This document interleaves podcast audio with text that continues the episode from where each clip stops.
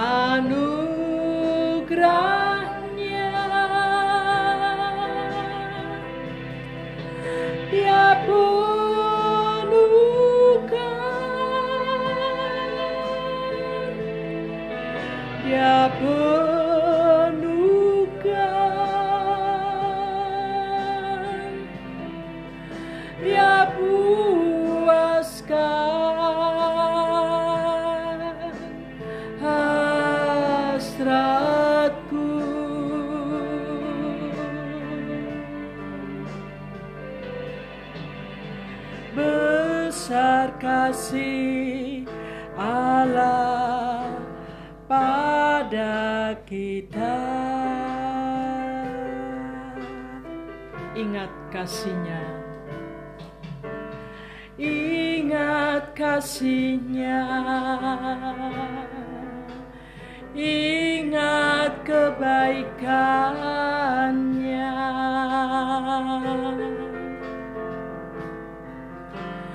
Dan anugerahnya. Selamatkanku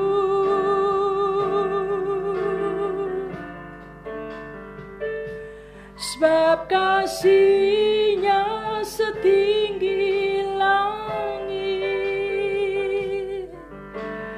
Kasih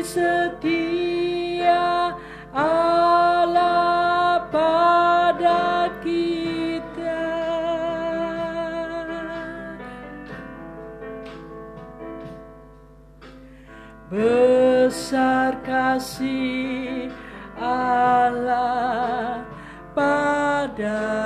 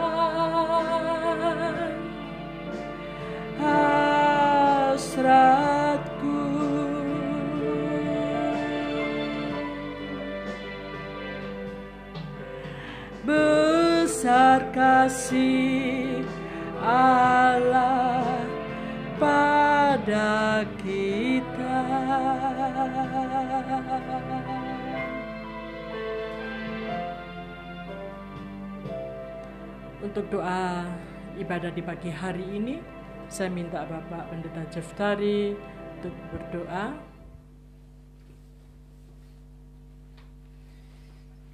Ya, saudara-saudaraku yang terkasih, umat Tuhan yang dikasih Kristus Yesus, mari kita berdoa untuk memulaikan ibadah kita di hari ini. Kita berdoa, Bapa kami di surga, kami datang lagi kepadamu ya Tuhan Yesus Kristus Allah kami, ya Roh Kudus, Allah kami Tritunggal yang tetap memelihara kami umatmu, jemaatmu, gerejamu di tengah-tengah dunia sampai hari ini.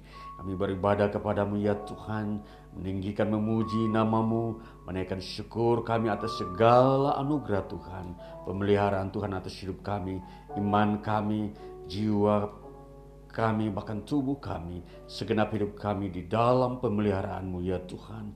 Maka pagi hari ini dalam ibadah kami ini, persekutuan kami dengan dikau lagi, kami merindukan akan kasih Tuhan, merindukan uh, kuasa Roh Kudus yang bekerja di tengah kami untuk uh, menguduskan dan menguatkan kami lagi supaya ketika kami memasuki hari-hari berikutnya di dalam kehidupan kami ke depan itu kami ada di dalam kuasa berkat Tuhan dan pengudusan Kristus Yesus. Maka ibadah kami ini kami alaskan itu dalam nama Bapa, Anak dan Roh Kudus yaitu dalam Yesus Kristus Tuhan kami. Haleluya. Amin.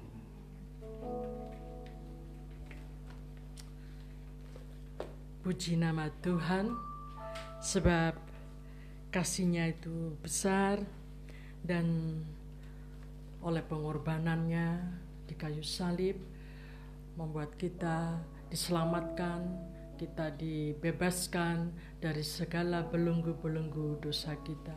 Oleh sebab itu kita angkat satu pujian, tanganmu yang berlubang paku.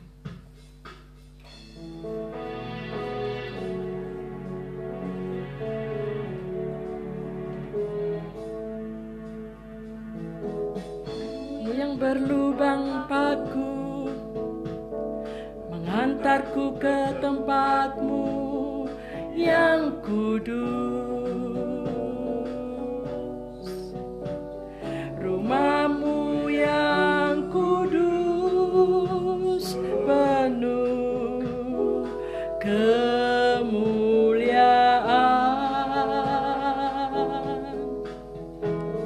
Di sana tiada celah di sana tiada cemar. Yang ada hanya kekudusan. Kekudusan. Kekudusan. Di sana tiada duka Sana tiada sungutan Yang ada hanya pujian dan syukur dan syukur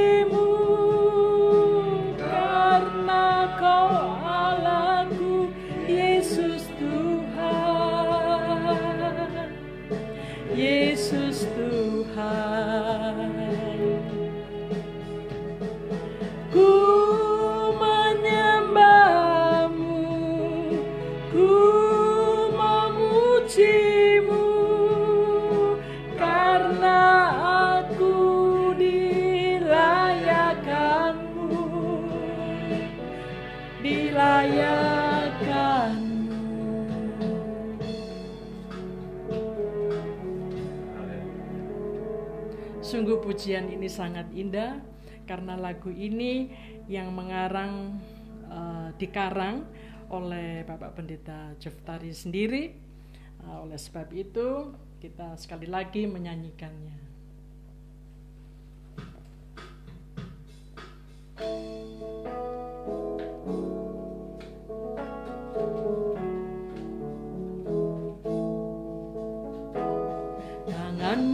berlubang paku menghantarku tempatku yang kudus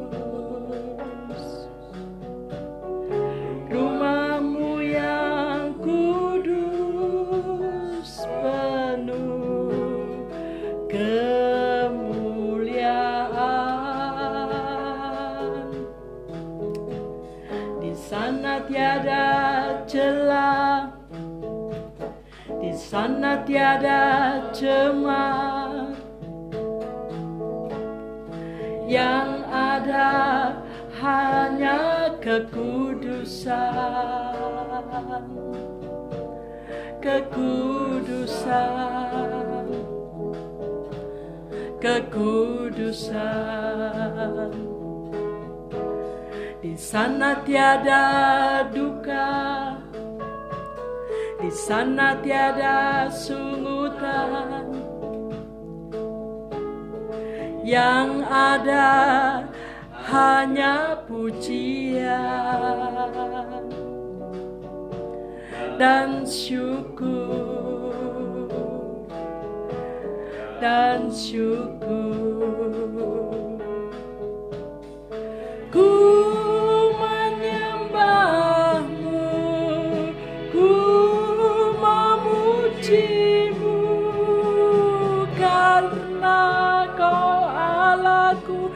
Yesus Tuhan, Yesus Tuhan. Ku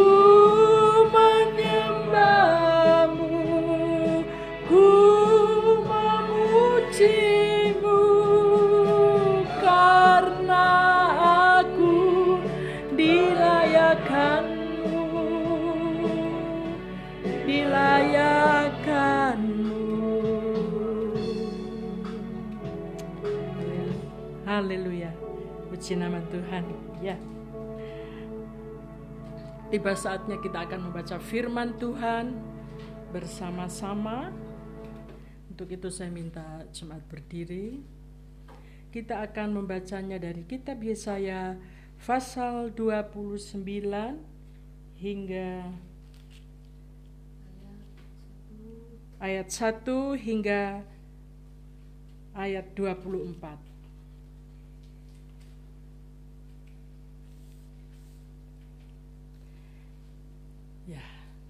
Bacanya. Yerusalem terkepung tetapi diselamatkan. Celakalah Ariel, Ariel, kota tempat Daud berkemah. Biarlah tahun demi tahun perayaan-perayaan silih berganti. Aku akan menyesakkan Ariel sehingga orang mengerang dan mengadu dan kota itu akan seperti perapian bagiku. Aku akan berkemah di segala penjuru, mengepung engkau, dan akan membuat tempat-tempat pengintaian untuk mengimpit engkau, dan akan mendirikan pagar-pagar pengepungan terhadap engkau. Maka engkau akan merendahkan diri, dan engkau bersuara dari dalam tanah. Perkataanmu kedengaran samar-samar dari dalam debu Suaramu akan berbunyi seperti suara arwah dari dalam tanah, dan perkataanmu akan kedengaran seperti bisikan dari dalam debu. Akan tetapi segala pasukan lawanmu akan hilang lenyap seperti abu halus, dan semua orang yang gagah sombong akan menjadi seperti sekam yang melintas terbang. Sebab dengan tiba-tiba dalam sekejap mata, engkau akan melihat kedatangan Tuhan semesta alam dalam guntur, gempa, dan suara hebat, dalam puting beliung dan badai, dan dalam nyala api yang memakan habis. Maka segala pasukan bangsa-bangsa yang berperang melawan Ariel dan semua orang yang memerangi dia dan kubu pertahanannya dan orang-orang yang menyesakkan dia akan seperti mimpi dan seperti penglihatan malam-malam. Seumpama seorang yang lapar bermimpi ia sedang makan, pada waktu terjaga perutnya masih kosong atau seumpama seorang yang haus bermimpi ia sedang minum pada waktu terjaga sesungguhnya ia masih lelah kerongkongannya masih dahaga demikianlah halnya dengan segala pasukan bangsa-bangsa yang berperang melawan gunung Sion. Bangsa yang buta tercengang-cenganglah penuh keheranan. Biarlah matamu menutup buta semata-mata. Jadilah mabuk tetapi bukan karena anggur, jadilah pusing tetapi bukan karena arak. Sebab Tuhan telah membuat kamu tidur nyenyak, matamu, yanik para nabi telah dipejamkannya, dan mukamu, yaitu para pelihat telah ditudunginya. Maka bagimu penglihatan dari semuanya itu seperti isi sebuah kitab yang meterai Apabila itu diberikan kepada orang yang tahu membaca dengan mengatakan, "Baiklah, baca ini," maka ia akan menjawab, "Aku tidak dapat, sebab kitab itu termeterai." Dan apabila kitab itu diberikan kepada seorang yang tidak dapat membaca dengan mengatakan, "Baiklah, baca ini," maka ia akan menjawab, "Aku tidak dapat membaca." Dan Tuhan telah berfirman, oleh karena bangsa ini datang mendekat dengan mulutnya dan memuliakan aku dengan bibirnya, padahal hatinya menjauh daripadaku dan ibadahnya kepadaku hanyalah perintah manusia yang dihafalkan. Maka sebab itu sesungguhnya aku akan melakukan pula hal-hal yang ajaib kepada bangsa ini keajaiban yang menakjubkan, hikmat orang-orangnya yang berhikmat akan hilang, dan kearifan orang-orangnya yang arif akan bersembunyi. Celakalah orang yang menyembunyikan dalam-dalam rancangannya terhadap Tuhan, yang pekerjaan-pekerjaannya terjadi dalam gelap, sambil berkata, "Siapakah yang melihat kita, dan siapakah yang mengenal kita?" Betapa kamu memutarbalikkan segala sesuatu. Apakah tanah liat dapat dianggap sama seperti tukang periuk? Sehingga apa yang dibuat dapat berkata tentang yang membuatnya? Bukan dia yang membuat aku, dan apa yang dibentuk berkata tentang yang membentuknya, ia tidak tahu apa-apa. Keselamatan sesudah penindasan. Bukankah hanya sedikit waktu lagi Libanon akan berubah menjadi kebun buah-buahan dan kebun buah-buahan itu akan dianggap hutan? Pada waktu itu orang-orang tuli akan mendengar perkataan-perkataan sebuah kitab dan lepas dari kekelaman dan kegelapan, mata orang-orang buta akan melihat Orang-orang yang sengsara akan tambah bersukaria di dalam Tuhan dan orang-orang miskin di antara manusia akan bersorak-sorak di dalam yang maha kudus Allah Israel. Sebab orang yang gagah sombong akan berakhir dan orang pencemooh akan habis dan semua orang yang berniat jahat akan dilenyapkan. Yaitu mereka yang begitu saja menyatakan seorang berdosa di dalam suatu perkara dan yang memasang jerat terhadap orang yang menegur dan yang mendesak orang benar dengan alasan yang tidak-tidak. Sebab itu beginilah firman Tuhan Allah kaum keturunan Yakub, Dia yang telah membebaskan Abraham. Mulai sekarang Yakub tidak lagi mendapat malu dan mukanya tidak lagi pucat. Sebab pada waktu mereka keturunan Yakub itu melihat apa yang dibuat tanganku di tengah-tengahnya, mereka akan menguduskan namaku mereka akan menguduskan yang kudus Allah Yakub dan mereka akan gentar kepada Allah Israel. Orang-orang yang sesat pikiran akan mendapat pengertian dan orang-orang yang bersungut-sungut akan menerima pengajaran. Demikian pembacaan firman Tuhan. Silakan duduk kembali. Tiba saatnya kita masuk dalam ruang kesaksian. Uh, mungkin di antara saudara-saudara ingin menyaksikan cinta kasih Tuhan, kami beri waktunya. Oh ya, Saudari Epi akan bersaksi pada hari ini. Ya, silakan.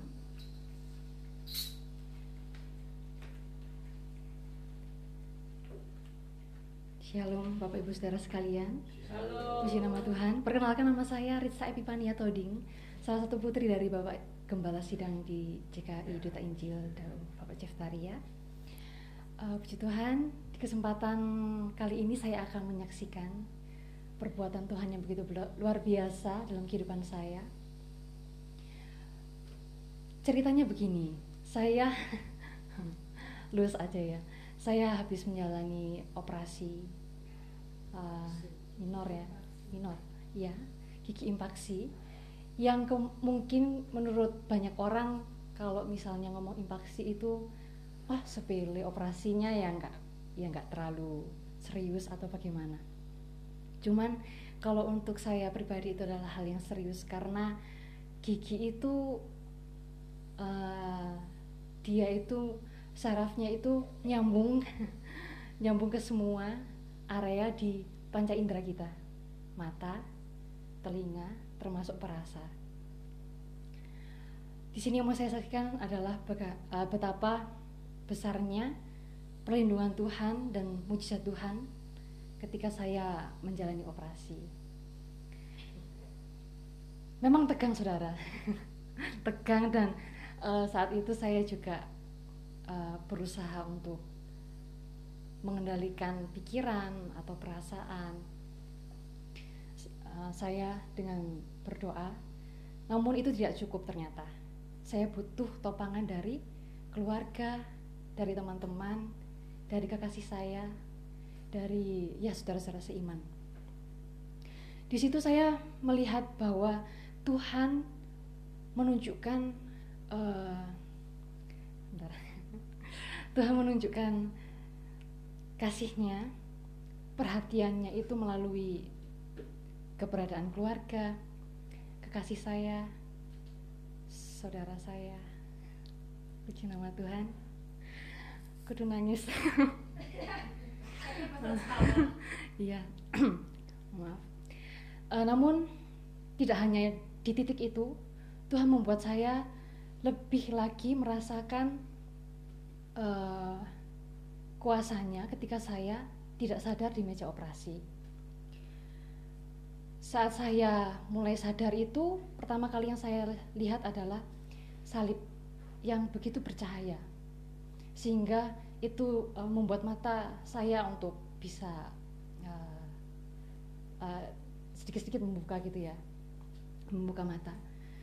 Kemudian setelah itu ketika saya melihat salib itu saya merasakan apa arti kekudusan Tuhan yang sesungguhnya. Kemudian saya tertidur lagi terus terlintas wajah kasih saya yaitu hiburan ya hiburan dari Tuhan untuk saya. Dan uh, seiring uh, berjalannya waktu proses pemulihan-pemulihan uh, saya melihat bahwa hmm, apa ya Tuhan itu memakai orang di sekitar saya untuk hmm, menyatakan uh, apa ya kepribadian dia lebih lagi. Saya jadi yang sebelumnya saya nggak bisa lihat Tuhan secara uh, apa ya secara mata rohani saya tetapi melalui papa saya, mama saya, kekasih saya, kakak saya, saya bisa melihat pribadi Tuhan itu lebih dalam lagi. Pribadi yang seperti apa? Pribadi yang berkuasa itu, pribadi yang penuh kasih itu, pribadi yang pelindung, penghibur, uh, apa ya, uh, damai itu, segala sesuatu yang nggak bisa dikasih dunia ada di dalam Kristus dan itu saya bisa rasakan secara pribadi maupun dari ke, uh, keberadaan keluarga di sekitar dan tem dan teman-teman dan kekasih saya. Dan puji Tuhan juga karena segala sesuatu memang nggak ada yang kebetulan ya karena uh, mungkin kalau misalnya dalam situasi uh, tertentu kalau misalnya kita mungkin belum siap atau bagaimana bisa saja mungkin saya akan drop uh, saat menjalani operasi dan itu akan mempengaruhi proses berjalannya operasi. Tetapi puji nama Tuhan karena Tuhan menguatkan saya uh, sekali lagi melalui keluarga dan kekasih saya. Saya mengucap syukur dan berterima kasih karena saya nggak pernah sendiri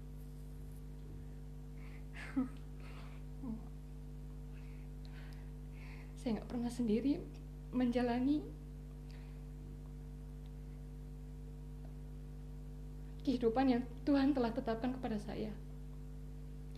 Dan saya percaya bahwa Tuhan akan memakai saya lebih lagi, lebih jauh lagi, lebih dalam lagi bersama dengan orang tua saya, kakak saya, dan kekasih saya.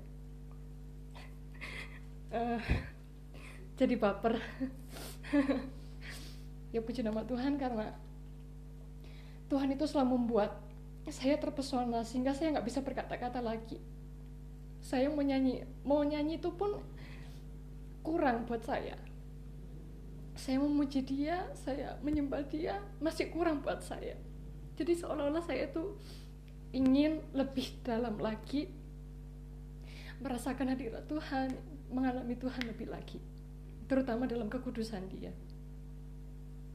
Mengingat zamannya seperti ini, zaman yang semakin jahat, zaman yang mungkin orang-orang mudanya mulai kendor ya mengikut Tuhan. Tapi saya mengucap syukur karena saya berada di lingkungan atau di lingkup dididikan orang tua yang begitu luar biasa, yang uh, begitu disiplin dalam kerohaniannya ya, begitu tegas juga dalam uh, pengajaran akan Kristus sehingga itu menameng menameng diri saya. Sehingga saya juga lebih mawas diri dalam pergaulan dan puji nama Tuhan. Kalau misalnya Tuhan bisa memakai kehidupan saya terutama di lingkungan pekerjaan saya yang orang-orangnya kayak gitu. Orang-orangnya yang serba ya ambisi egois terus ya serta merta memerintah menyuruh ya tapi puji nama Tuhan Tuhan itu selalu membela saya sehingga saya itu selalu luput. Saya itu selalu selamat dari ancaman dari orang-orang yang berusaha menjegal saya orang-orang yang berusaha untuk menyudutkan saya memojokkan saya. Ya puji nama Tuhan karena ya saya percaya uh, saudara sekalian bapak saudara sekalian mengalami pengalaman uh, yang berbeda dengan saya. Tetapi apa pun itu Bapak Ibu Saudara tetap andalkan Tuhan tetap teguh di dalam iman dan pengharapan kita kasih kita kepada Kristus. Karena uh, kita tinggal di akhir zaman dan Tuhan Yesus akan segera datang. Jadi kita uh, benar-benar harus menjaga hati pikiran kita untuk tetap kudus di hadapannya berkenan di hadapannya. Puji nama Tuhan air mata sudah mengalir.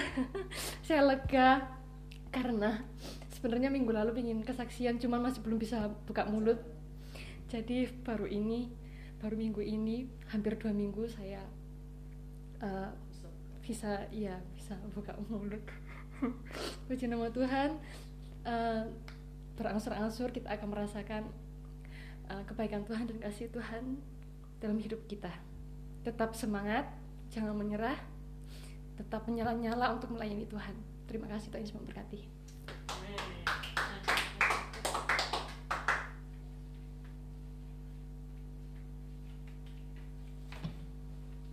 Ya, ajaib, sungguh luar biasa pertolongan Tuhan yang selalu hadir untuk kehidupan kita bagi setiap anak-anaknya yang senantiasa menaruh harapan sepenuhnya kepada Dia dan pertolongannya itu uh, tak selalu eh tidak pernah terlambat bagi kita ya untuk Epi ya tetap semangat di dalam Tuhan lalu itu uh, kita angkat satu pujian untuk uh, kesaksian ini dengan satu pujian Bapa yang kekal.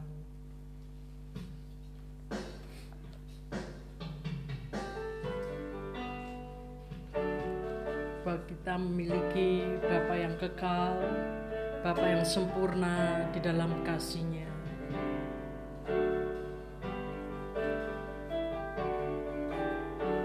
Kasih yang sempurna telah ku terima darimu bukan karena kebaikanku hanya oleh kasih karuniamu. Kau pulihkan aku layakkanku untuk dapat memanggilmu Bapa. Kau yang ku pinta. Saat ku mencari ku mendapatkan. Ku ketuk pintumu dan kau bukakan. Sebab kau Bapakku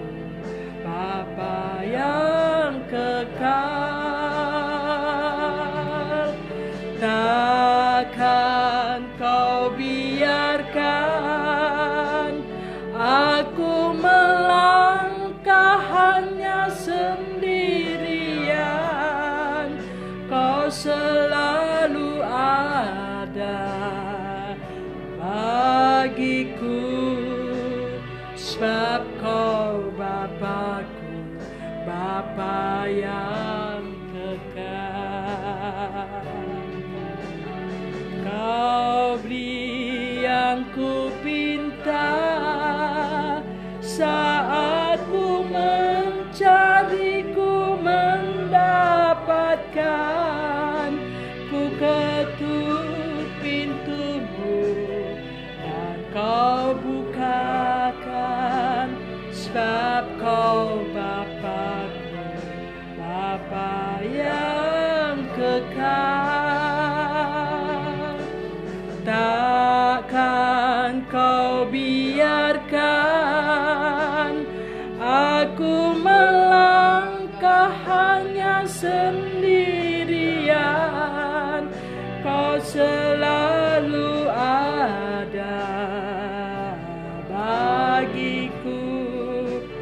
sebab kau Bapakku Bapa yang kekal.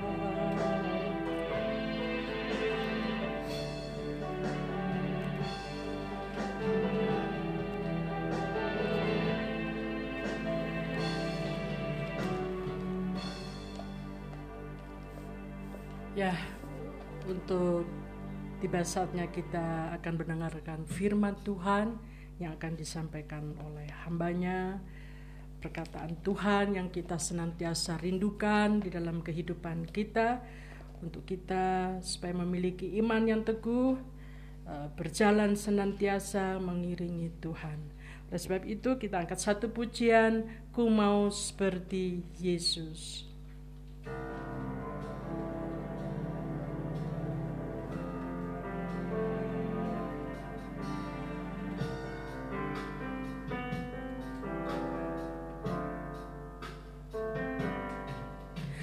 Bagaikan bejana siap dibentuk. Demikian hidupku di tanganmu. Dengan urapan kuasa rohmu ku dibaharui selalu jadikan ku alat dalam rumahmu. Inilah hidupku di tanganmu. Ikhlas turut kehendakmu. Pakailah sesuai rencanamu ku mau sepertimu Yesus disempurnakan selalu dalam segenap jalanku memuliakan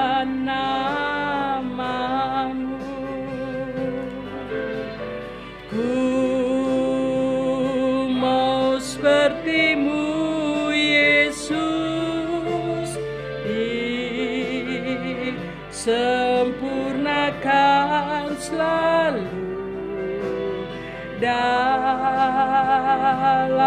segenap jalanku memuliakan namamu ku mau. Untuk hambanya saya minta menyambut firmannya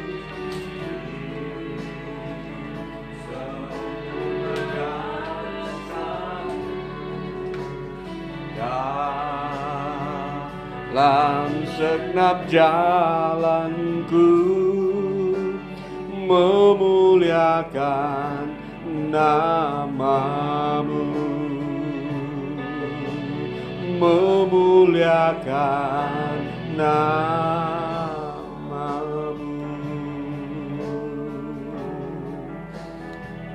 Ya. Puji Tuhan Mari kita datang ke hadirat Tuhan dengan penuh kerinduan untuk mendengarkan firman-Nya dan kita mengalaskan itu dalam doa kita. Mari kita berdoa. Bapa kami di surga kami bersyukur di hari ini lagi karena suasana kasih Allah, suasana anugerah memenuhi roh jiwa kami, pikiran kami. Kami diteguhkan, dikuatkan, kami merasakan di sini ada campur tangan Tuhan, karya Roh Kudus di tengah kami sehingga kami uh, memiliki suatu kegembiraan ilahi yang timbul dan yang uh, bertumbuh dalam hati kami sehingga kami datang dengan penuh semangat, dengan penuh kerinduan kegirangan untuk mendengarkan firman-Mu Tuhan di hari ini lagi. Hari yang uh, kami uh, pandang sebagai sesuatu uh, karya Tuhan di tengah kami lagi. Di mana kami sedang ada di dalam suasana masa-masa menjelang pasca masa-masa di mana di sini kami melihat penderitaan Kristus Yesus yang uh, sedang dijalani sehingga kami merasakan betapa penguatan-penguatan oleh karena penderitaan Kristus itu membuat kami bisa uh, merasakan diri dan iman kami ini dipelihara, disertai Tuhan. Maka hari ini kami akan mendengarkan firman-Mu lagi. Kami mengalaskan itu ya Bapa di dalam doa kami dalam nama Tuhan Yesus Kristus. Haleluya. Amin. Ya kita membuka kitab kita dari Injil Lukas pasalnya yang ke 21 Injil Lukas pasal 21 ayatnya yang ke-34 hingga ayat 36.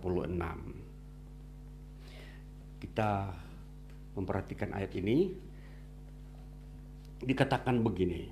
Firman Tuhan nasihat supaya berjaga-jaga. Jagalah dirimu supaya hatimu jangan syarat oleh pesta pora dan kemabukan serta kepentingan-kepentingan duniawi. Dan supaya hari Tuhan jangan dengan tiba-tiba jatuh ke atas dirimu seperti suatu jerat. Sebab ia akan menimpa semua penduduk bumi ini. Berjaga-jagalah senantiasa sambil berdoa supaya kamu beroleh kekuatan untuk luput dari semua yang akan terjadi itu, dan supaya kamu tahan berdiri di hadapan Anak Manusia. Ya, demikian firman Tuhan dari Injil Lukas 21 ini ada uh, tiga ayat yang kita baca. Saudara-saudara terkasih dalam Tuhan, tema kita hari ini adalah berjaga-jaga. Di dalam Injil Lukas khususnya yang kita baca tadi, Lukas 21, tentunya ini adalah uh, waktu atau masa uh, di mana uh, pengajaran Tuhan Yesus atau nasihat lebih tepatnya, nasihat Tuhan Yesus menjelang uh, Yesus masuk dalam masa-masa penderitaannya dia. Sebelum uh, masuk dalam perayaan Paskah, bahkan uh, sampai kepada uh, memikul salib. Jadi ini sebuah uh, nasihat atau uh, persiapan persiapan untuk peneguhan hati bahkan uh, iman sekalipun terhadap situasi situasi berat yang datang Uh, mencobai kehidupan orang-orang percaya. Nah, itu adalah konteks yang yang sedang terjadi atau yang Yesus katakan kepada murid-muridnya. Nah, namun konteks ini bukan saja hanya berlaku pada satu zaman, tetapi apa yang Yesus nasihatkan ini berlaku untuk masa di mana akhir zaman. Jadi akhir zaman itu adalah satu periode yang waktunya panjang. Jadi satu periode uh, yang disebut akhir zaman itu adalah uh, bisa ribuan tahun. Maka kalau di dalam Alkitab ada yang uh, disebut periode awal zaman, maka periode berikutnya adalah periode akhir zaman. Jadi periode awal zaman itu ribuan tahun. Sedangkan periode akhir zaman pun itu ribuan tahun. Jadi di mana konsep akhir zaman itu di mana Yesus Kristus mulai membicarakan tentang peristiwa-peristiwa akhir zaman itu ada di dalam masa ribuan tahun. Itulah sebabnya ketika Yesus menyampaikan eh, nasihat ini sampai hari ini itu sudah 2000 lebih ya uh, tahun uh, periode akhir zaman. Nah, jadi uh, di dalam hal ini kita harus paham tentang nasihat. Betapa indah nasihat kalau suatu masa kesengsaraan atau penderitaan itu akan terjadi. Nasihat itu sangat penting. Nasihat itu sangat uh, berguna karena ketika bencana itu datang, orang-orang yang mendengar nasihat dan orang-orang yang menjalankan nasihat-nasihat Tuhan, mereka adalah orang-orang yang selamat. Mereka orang-orang yang luput dari musibah atau bencana di akhir zaman. Nah, ini kita melihat tentang nasihat. Ya. Jadi berjaga-jagalah adalah tema kita. Ini sebuah nasihat nasihat uh, satu-satunya ya di dalam memasuki masa-masa penderitaan. Tuhan Yesus hanya menyampaikan uh, sebuah anjuran berjaga-jagalah. Jadi di sini uh, nasihat berjaga-jaga adalah suatu uh, uh, semangat atau suatu apa namanya sebuah dorongan bahwa kalian harus mengerjakan hal-hal yang bersifat uh, pribadi. Ya, kita harus memperhatikan ini bersifat pribadi bukan bersifat umum. Maka dikatakan di sini dikatakan jagalah dirimu. Perhatikan ayat ini. Jagalah dirimu. Itu berbicara tentang pribadi-pribadi. Di mana setiap orang harus mampu menjaga dirinya. Bukan dia harus uh, bergantung kepada orang lain.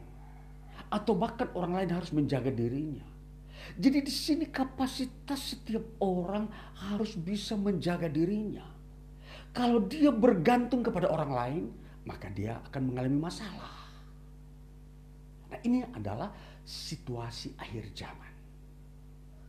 Saudaraku yang terkasih, kita mau melihat uh, penegasan-penegasan dan tekanan-tekanan yang Yesus uh, ungkapkan kepada murid-muridnya atau gerejanya di dalam uh, kehidupan di akhir zaman. Karena kehidupan akhir zaman adalah kehidupan di mana gereja itu ada. Orang-orang percaya kepada Yesus Kristus itu hadir. Jadi kalau menurut uh, seluruh karya Yesus Kristus di dalam dunia, mulai dari dia datang mengajarkan tentang pertobatan, lalu dia mengajarkan bagaimana melakukan hukum Tuhan, lalu kemudian bagaimana uh, memelihara persekutuan dengan Tuhan, itu semua sudah disampaikan. Dalam seluruh totalitas kehadiran Yesus pada waktu ia me menyampaikan berita kerajaan Allah di bumi. Itu semua sudah jadi dengan kata lain kesimpulannya bahwa tinggal Yesus Kristus memberikan nasihat. Itulah sebabnya tepatnya sebelum Yesus memasuki masa uh, penderitaannya atau akan uh, disalibkan satu nasihat menjadi uh, uh, batasan akhir dari semua pelayanannya Yesus. Nasihatnya adalah berjaga-jaga. Nah, mari kita mau memperhatikan uh, kata ini berjaga-jaga, berjaga-jaga. Di sini di, dikatakan ada dua kata dalam bahasa Yunani yang mempunyai makna berjaga-jaga. Pemakaian kata Yunani sampai dua kata untuk mengartikan satu kata itu menandakan penekanan penegasan berulang. Jadi kalau dalam suatu frase kalimat di mana seseorang atau seorang pemimpin, seorang guru atau bahkan dikatakan Yesus Kristus sebagai Tuhan menegaskan dua kali kata yang berbeda tapi mempunyai makna tunggal itu menandakan penegasan.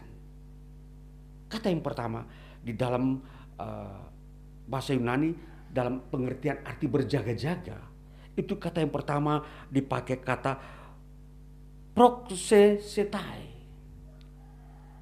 proxesetai yang yang tadi artinya jaga jagalah dirimu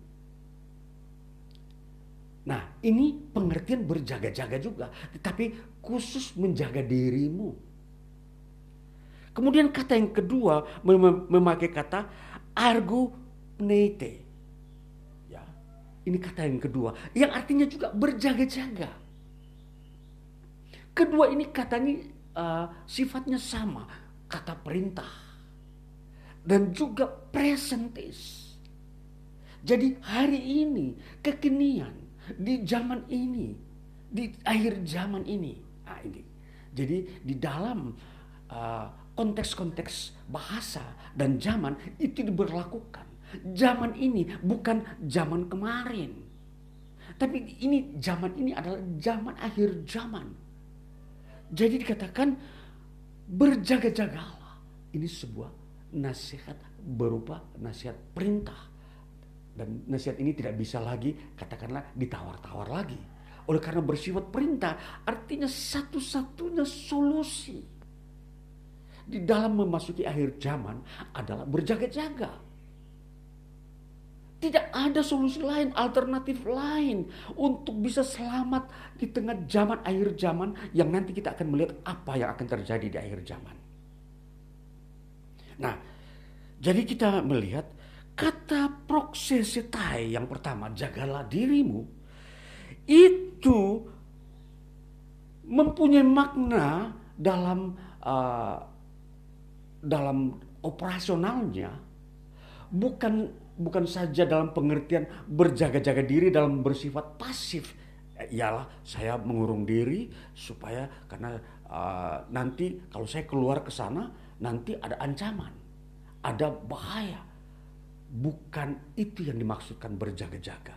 Berjaga-jaga bukan berarti orang itu pasif. Duduk diam tidak beraktivitas. Bukan. Tetapi justru dia aktif. Dan di dalam itulah sebabnya makna yang kedua daripada berjaga-jaga ini adalah dedikasi. Dia berdedikasi terhadap dirinya.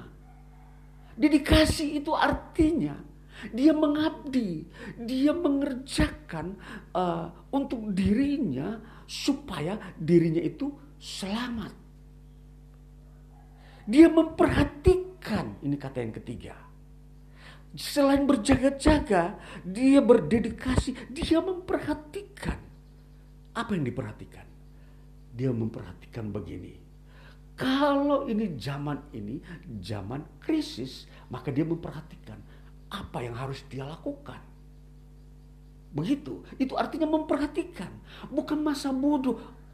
Tidak tahu ini zaman krisis, dia tidak tahu apa-apa. Dia pikir ini tidak pernah terjadi. Seolah-olah ini hanya mimpi, bukan fakta atau uh, realita. Ya, jadi di sini seseorang yang uh, dewasa imannya itu dia harus memiliki konsep berjaga-jaga. Nah, jadi kita uh, dipanggil Tuhan beribadah kepada Tuhan bukan hanya sampai sebatas kita mendengar Uh, semua informasi tentang kerajaan Allah, pengajaran hukum Tuhan, bagaimana pengampunan dosa Tuhan telah kerjakan. Tetapi justru diri kita diperhadapkan ditambah dengan suatu uh, penegasan dan nasihat dari Tuhan Yesus untuk menjaga diri kita.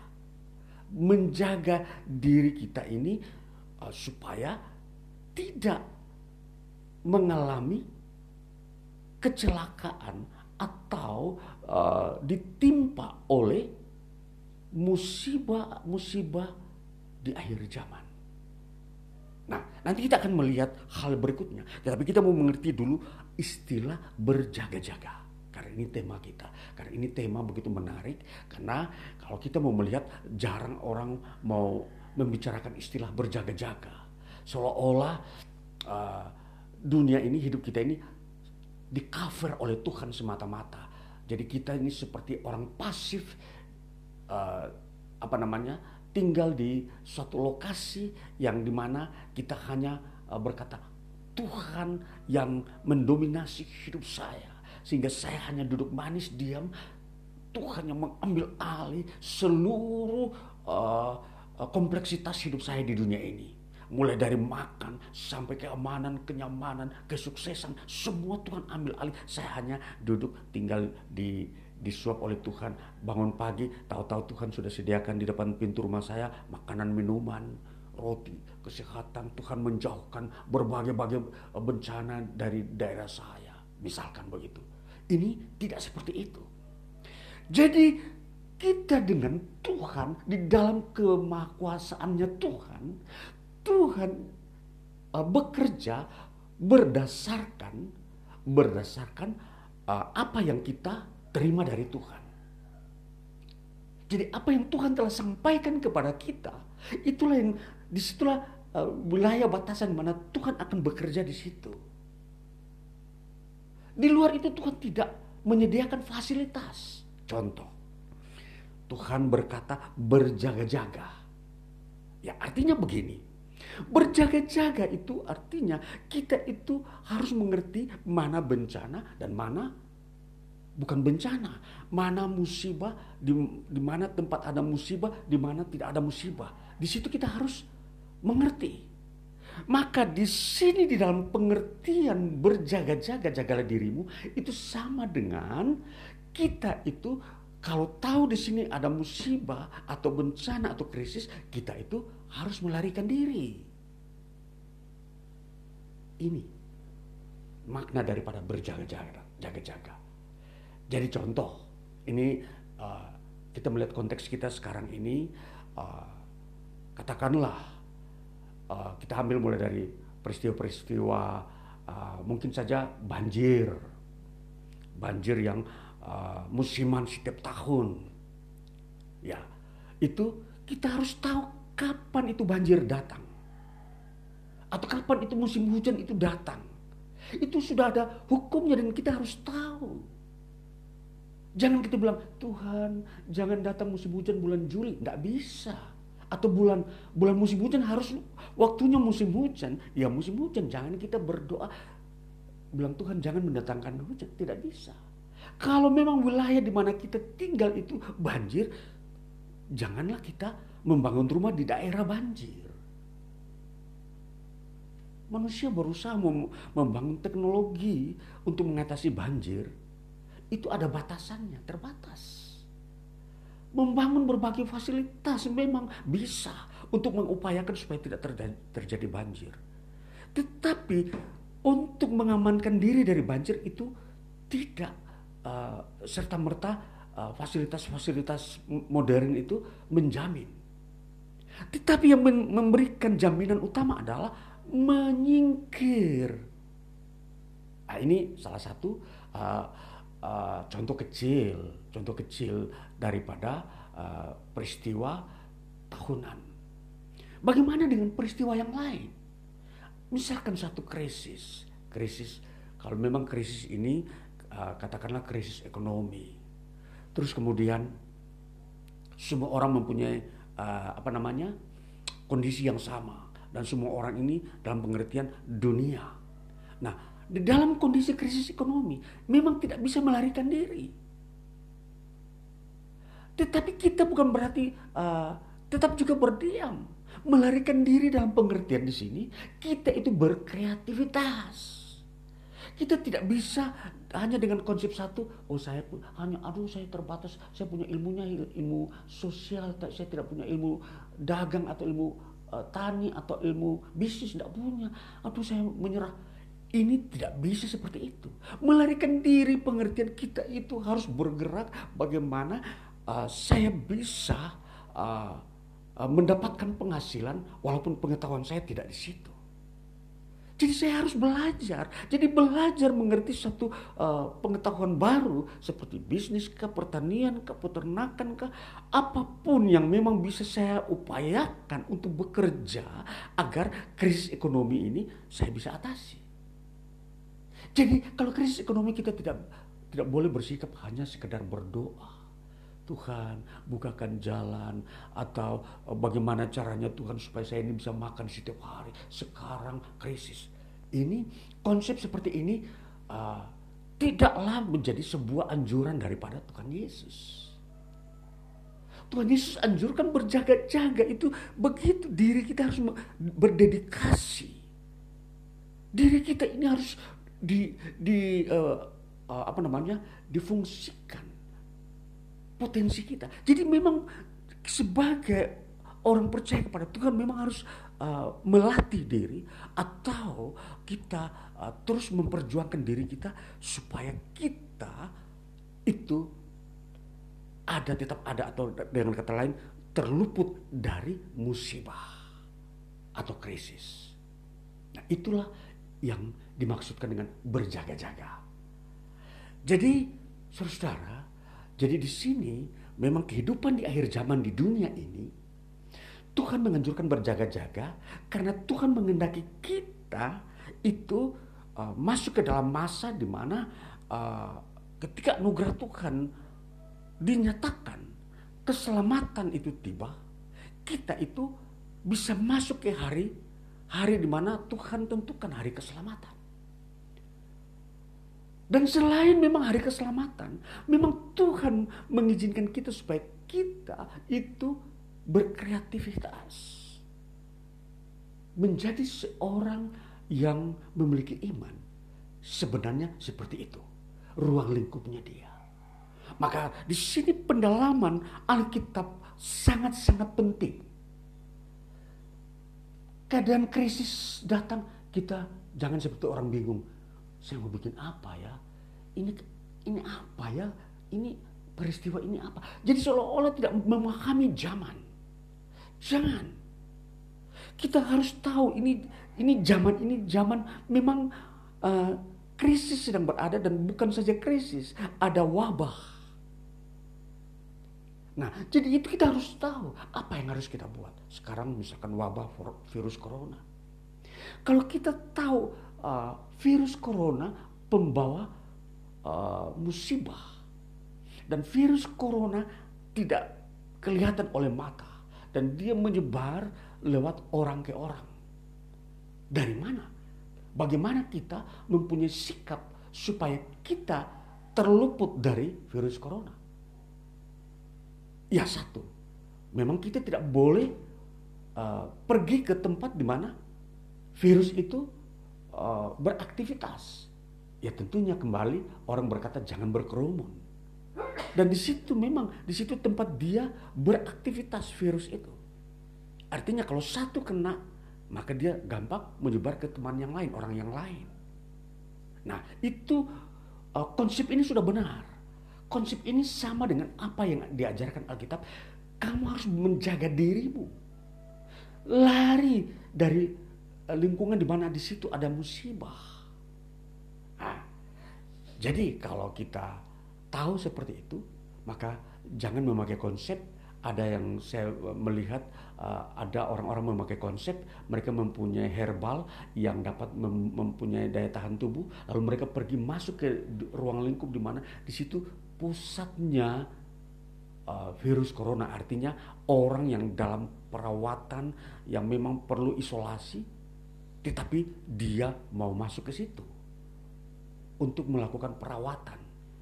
Nah, ini konsep ini tidak benar. Jadi memang di mana kita tahu di situ ada uh, epidemi daripada virus corona, kita tidak boleh ke situ. Nah, epidemi adalah pusat sarang berkembang biaknya itu virus. Nah, jadi saudara-saudara, ini kita harus tahu menjaga istilahnya jagalah dirimu. Nah, selain memang kita tahu di sana kita tidak boleh pergi, berarti kita harus uh, uh, apa namanya selalu selalu antisipasi uh, kesehatan tubuh kita karena kebersihan itu kita akan mendapatkan sebuah pencegahan. Ya, mencuci tangan.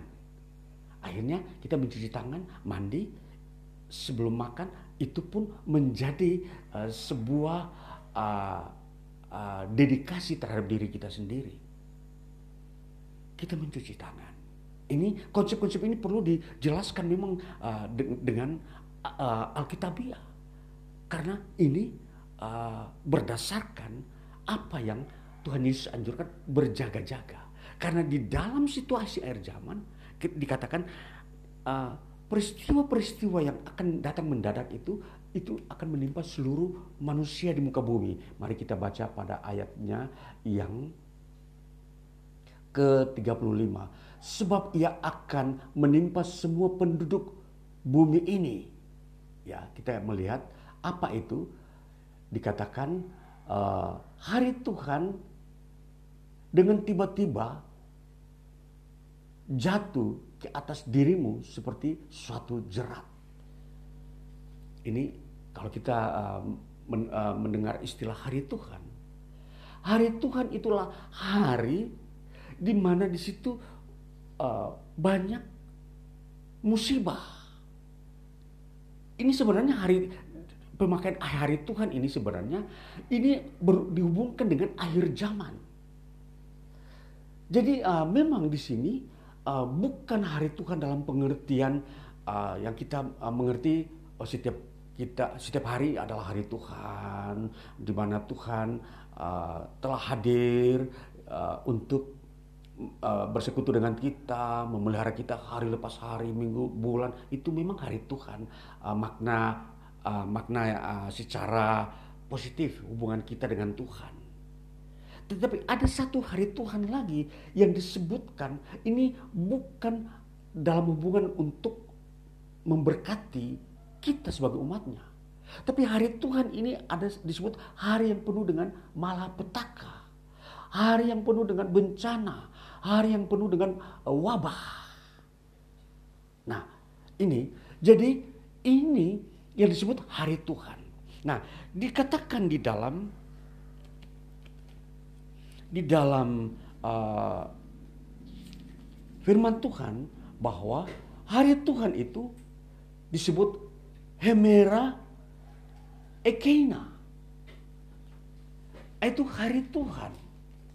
Nah, jadi di sini hari Tuhan di sini tentunya kita harus maknai atau kita uh, mengerti sebagai hari di mana di situ banyak bencana, hukuman, bahkan krisis atau wabah yang uh, mematikan manusia.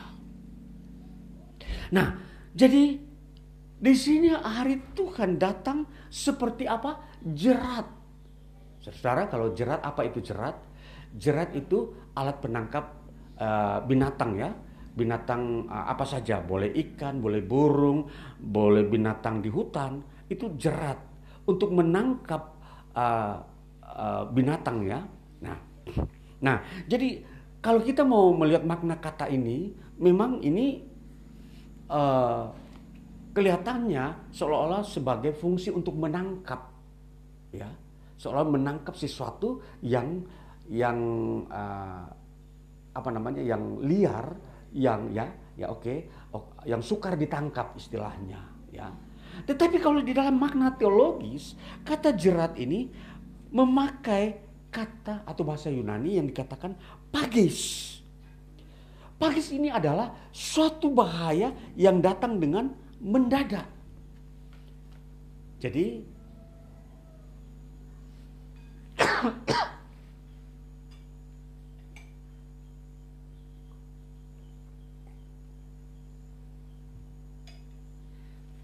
Jadi kata pagis ini yang diartikan jerat itu di dalam konsep teologisnya adalah itu suatu bahaya ya. Suatu bahaya yang datang dengan mendadak. Jadi kalau dengan bahaya itu artinya itu pasti mematikan. Dan kalau datang secara mendadak itu itu berarti tidak bisa orang menyelamatkan diri. Tidak bisa meloloskan diri. Jadi kalau kita melihat di sini bahwa jerat itu dia datang tanpa satu orang pandai pun di bumi ini yang mengerti, yang tahu. Kita mengambil contoh, virus corona muncul, tidak seorang pun ahli di muka bumi ini berkata uh, apa karakter maupun uh, kemampuannya dia di dalam beradaptasi atau merajalela mewabah ke seluruh dunia tidak tahu. Tahu-tahu mendadak sudah membludak lalu kemudian diteliti dia mempunyai sel-sel seperti apa uh, karakternya uh, virus ini seperti apa. Baru ketahuan belakangan setelah beberapa bulan telah merenggut banyak jiwa manusia. Nah itulah sebabnya ini disebut seber, seperti jerat. Jadi virus corona ini seperti pagis. Pagis atau jerat. Pagis itu bahasa Yunani. Seperti pagis. Jadi bahaya yang datang mendadak. Ya. Nah ini di dalam Alkitab sudah memakai kata ini, pagis. Jadi semua keadaan akhir zaman, keadaannya selalu uh, mendadak. Dan berupa bahaya. Makanya Tuhan Yesus bilang, berjagalah dirimu supaya kamu jangan jatuh ke dalam pagis. Karena ini pagis ini akan datang menimpa semua orang di muka bumi. Tidak pandang bulu. Makanya perlu kamu saya nasihati supaya berjaga-jaga. Kalau kamu tidak berjaga-jaga, berarti kamu akan mengalami pagis. Bahaya. Maka kita kalau melihat sekarang, konteks sekarang, kenapa ada pendeta kena virus corona. Dia kurang memperhatikan baik-baik bahwa Alkitab melarang jangan pergi ke ada pusat marabaya atau endemi yang di mana akan mematikan semua orang.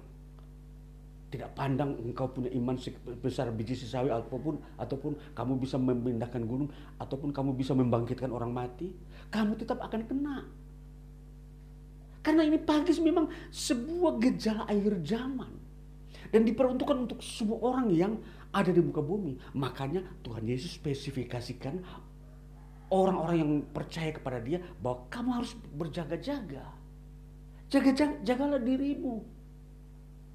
Makanya jangan berkata, aku sudah doa puasa, aku akan pergi lalu masuk ke tengah-tengah orang-orang yang mengalami uh, sedang mengalami pandemi corona, lalu saya akan mau berkhotbah di situ. Itu bukan perintah Tuhan seperti itu.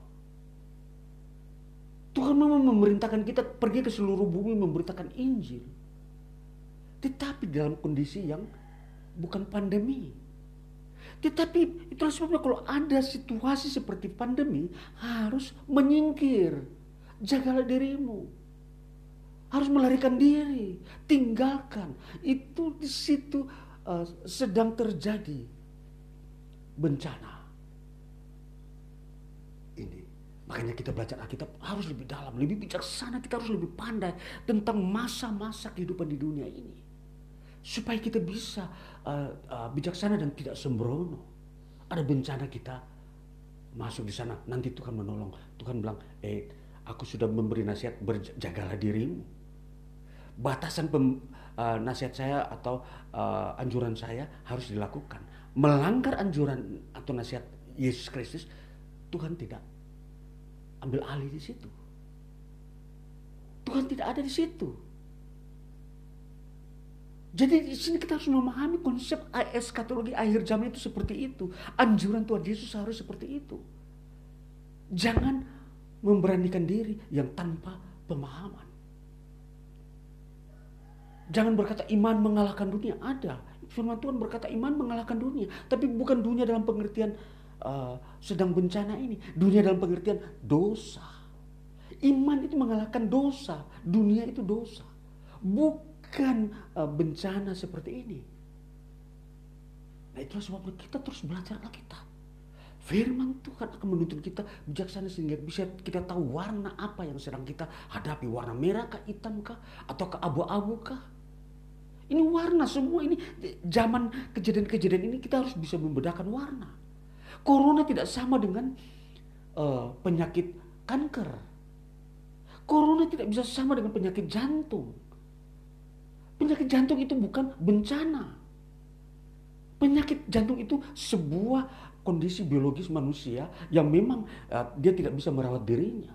Tapi corona ini bencana seluruh dunia. Semua orang akan mengalaminya. Tetapi kalau jantung tidak semua orang akan sakit jantung.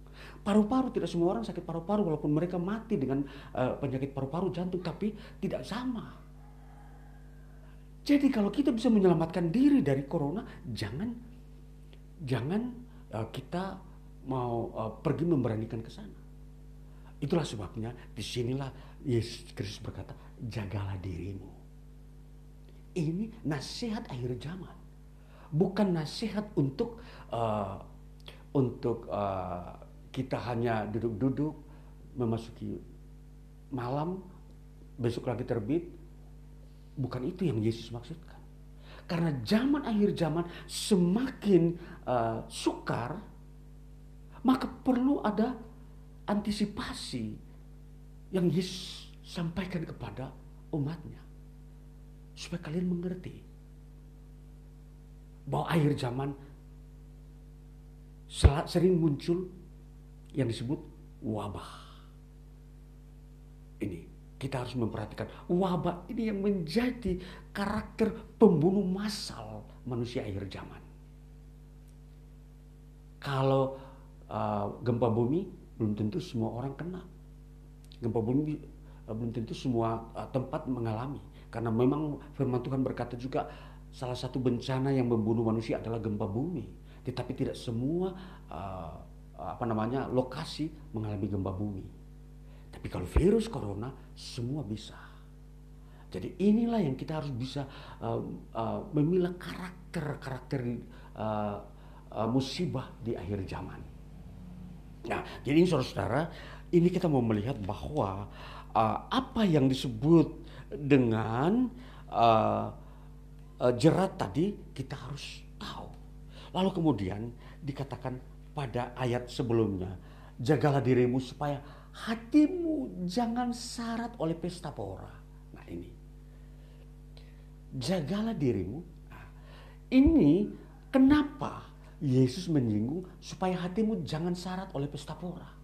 Sebab kalau ada hati kita penuh dengan pesta pora, kita tidak bisa membedakan warna mana musibah, mana penyakit biasa, mana wabah, mana uh, uh, apa namanya penyakit yang memang uh, lumrah manusia masa tua dia akan sakit. Beda. Jadi kalau memang kita bisa membedakan itu karena kita berjaga-jaga. Jadi berbeda dengan orang berpesta pora. Orang berpesta pora dia tidak pernah memperhatikan dirinya. Dia tidak mengerti musim. Dia hanya bersenang-senang pesta pora. Dia hanya hanya uh, uh, fokus kepada suasana-suasana duniawi. Ini dia fokus di situ. Dia tidak fokus kepada uh, berita-berita tentang akhir zaman di mana akan terjadi hal-hal yang uh, menyulitkan manusia. Dan dia biasanya orang yang suka berpesta pora malah dia acuh tak acuh dengan istilah-istilah bencana. Dia malah tetap pergi ke tempat hiburan-hiburan untuk uh, menghibur hatinya yang uh, uh, sedang merasa takut dengan bencana-bencana yang dia dengar. Ada bencana di sana, dia bukan berwaspada, tapi dia pergi cari tempat hiburan untuk uh, uh, melupakan atau me menghilangkan rasa takut tentang bencana. Itu sebabnya ini nasihat Yesus yang begitu berbobot. Jangan ada di dalam hatimu, ya, syarat oleh pesta pora. Nah, jadi tentunya akhir zaman kita harus uh, mewaspadai dengan pesta pora. Pesta pora adalah sebuah uh, uh, karakter hidup manusia akhir zaman. Semua manusia modern memakai pesta pora menjadi sebuah uh, kondisi untuk uh, melepaskan dirinya dari tekanan-tekanan di dalam pikirannya, di dalam jiwanya atau perasaannya. Nah, ini um, mereka memakai fasilitas ini, pesta pora ini. Jadi kalau kita sebagai orang yang mendengar firman Tuhan, pesta pora bukanlah tempat kita untuk uh, meneduhkan perasaan takut kita terhadap bencana alam, terhadap uh, musibah-musibah atau krisis. Kita justru apa yang dikatakan kita harus berdoa. Selain dikatakan uh, berjaga-jaga, dikatakan begini, berjaga-jagalah senantiasa sambil berdoa. Supaya kamu beroleh kekuatan untuk luput dari semua yang akan terjadi itu dan supaya kamu takkan berdiri di hadapan anak manusia. Artinya selamat. Luput dari bencana. Jadi di sini betapa penting penegasan Tuhan Yesus bahwa luputnya kita dari suatu krisis akhir zaman, bencana akhir zaman karena kita berjaga-jaga tadi uh, memperhatikan diri kita aktif dan juga berdoa. Nah anjuran ini anjuran berdoa. Jadi bukan Tuhan Yesus tidak menganjurkan kita penuh hati kita syarat dengan pesta pora. Tetapi justru berdoa. Nah jadi ini kepada setiap individu dianjurkan berdoa. Jadi apa itu berdoa? Kalau berdoa bukanlah sesuatu kegiatan rutin ke tempat uh, pertemuan-pertemuan umat Tuhan. Ini bukan anjuran seperti itu. berdoa itu justru individu berdoa di mana dia berada. Itu yang dimaksudkan dengan berdoa di dalam kondisi akhir zaman. Berdoa dalam kondisi sedang ada uh, krisis atau uh, situasi wabah. Jadi ini berbeda berdoanya dengan kondisi di mana uh, bukan uh, ada wabah.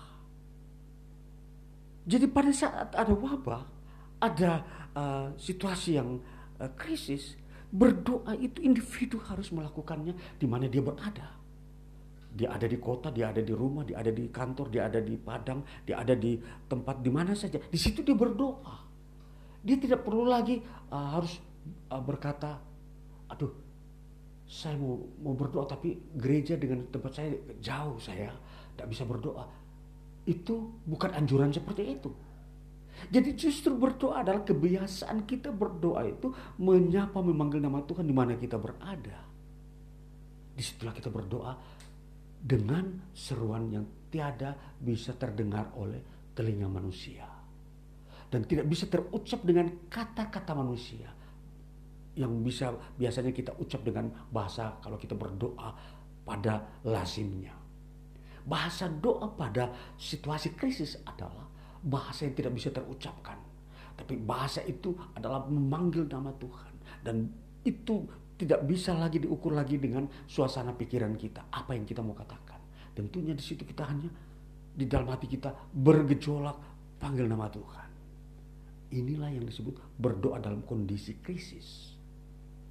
Nah ini saudara, jadi ini kita disebut kita ada dalam tema berjaga-jaga.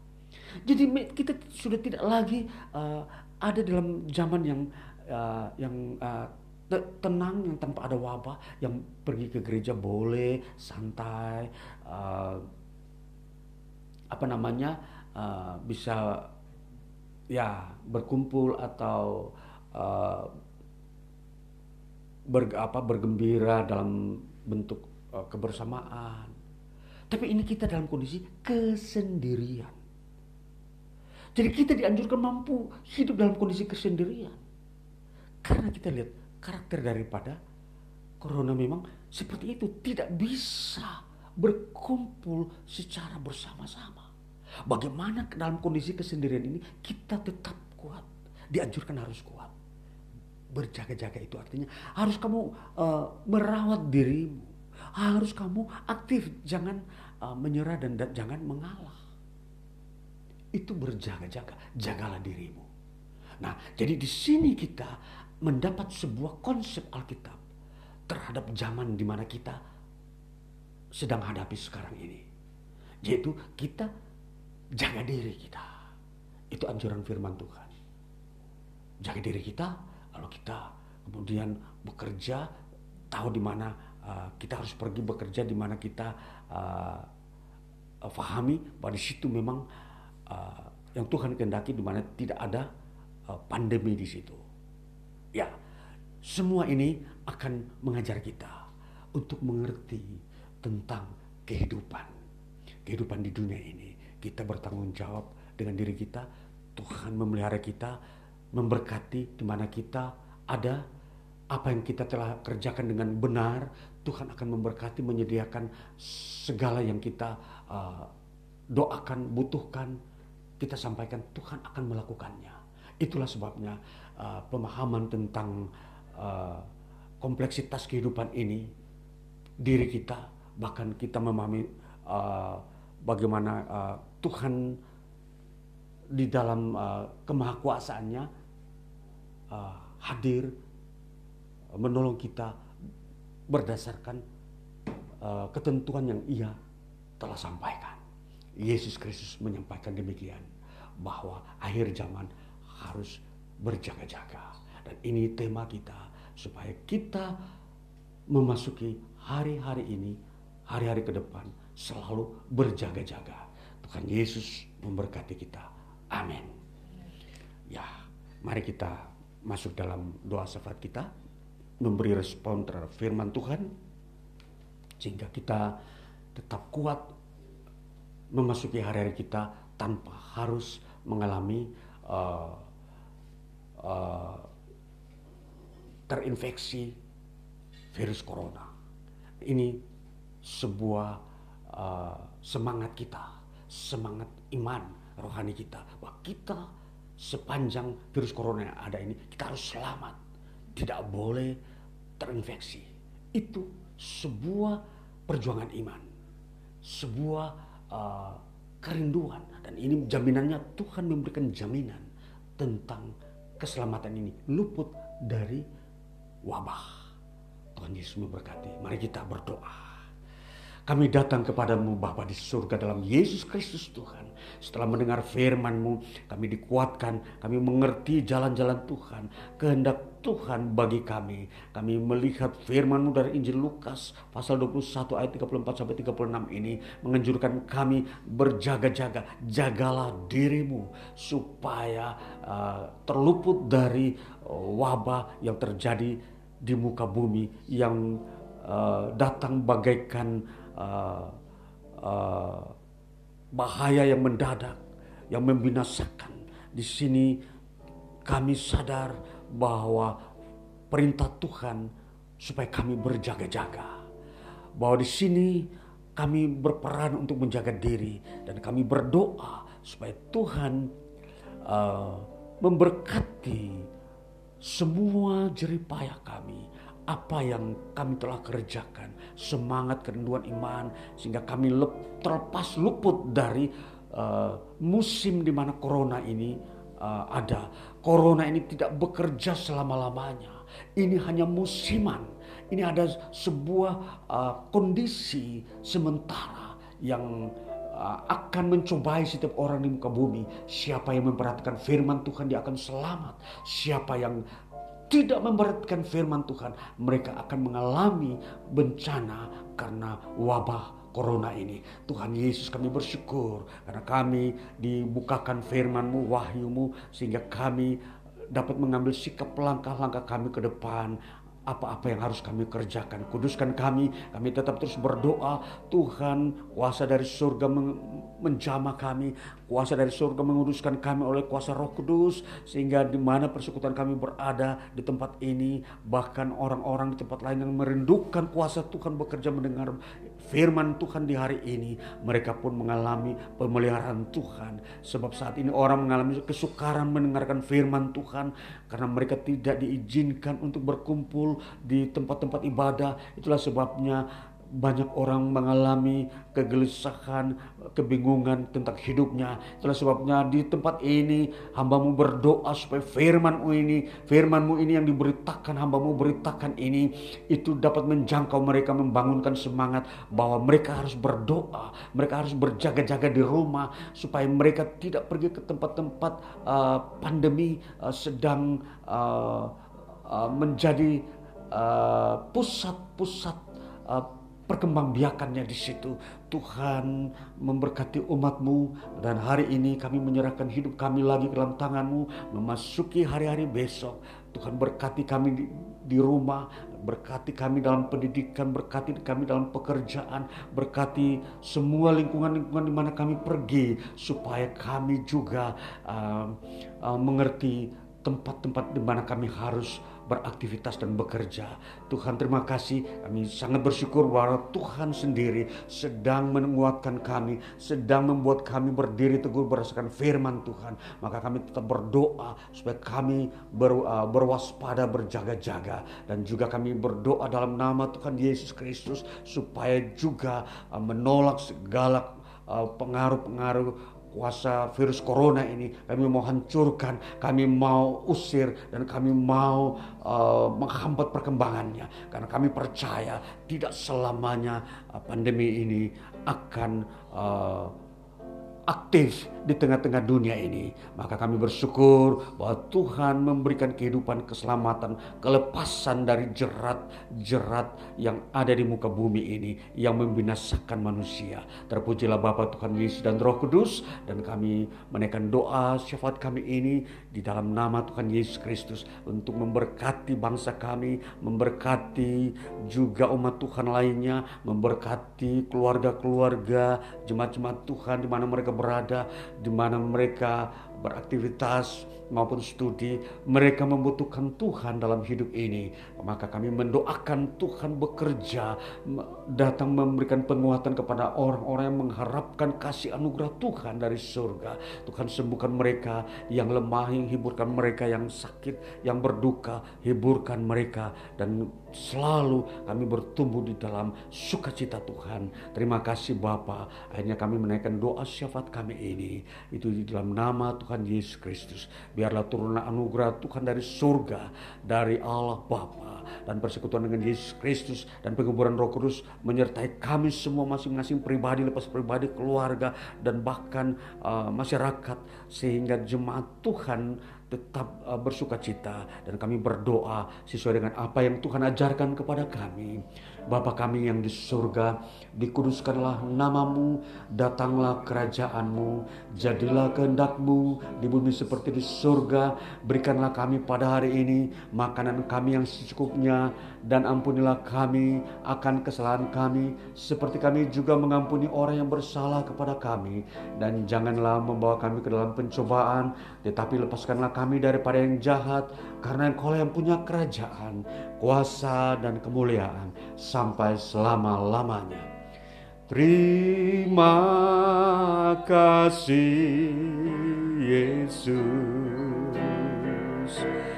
Terima kasih Yesus. Puji syukur hanya bagimu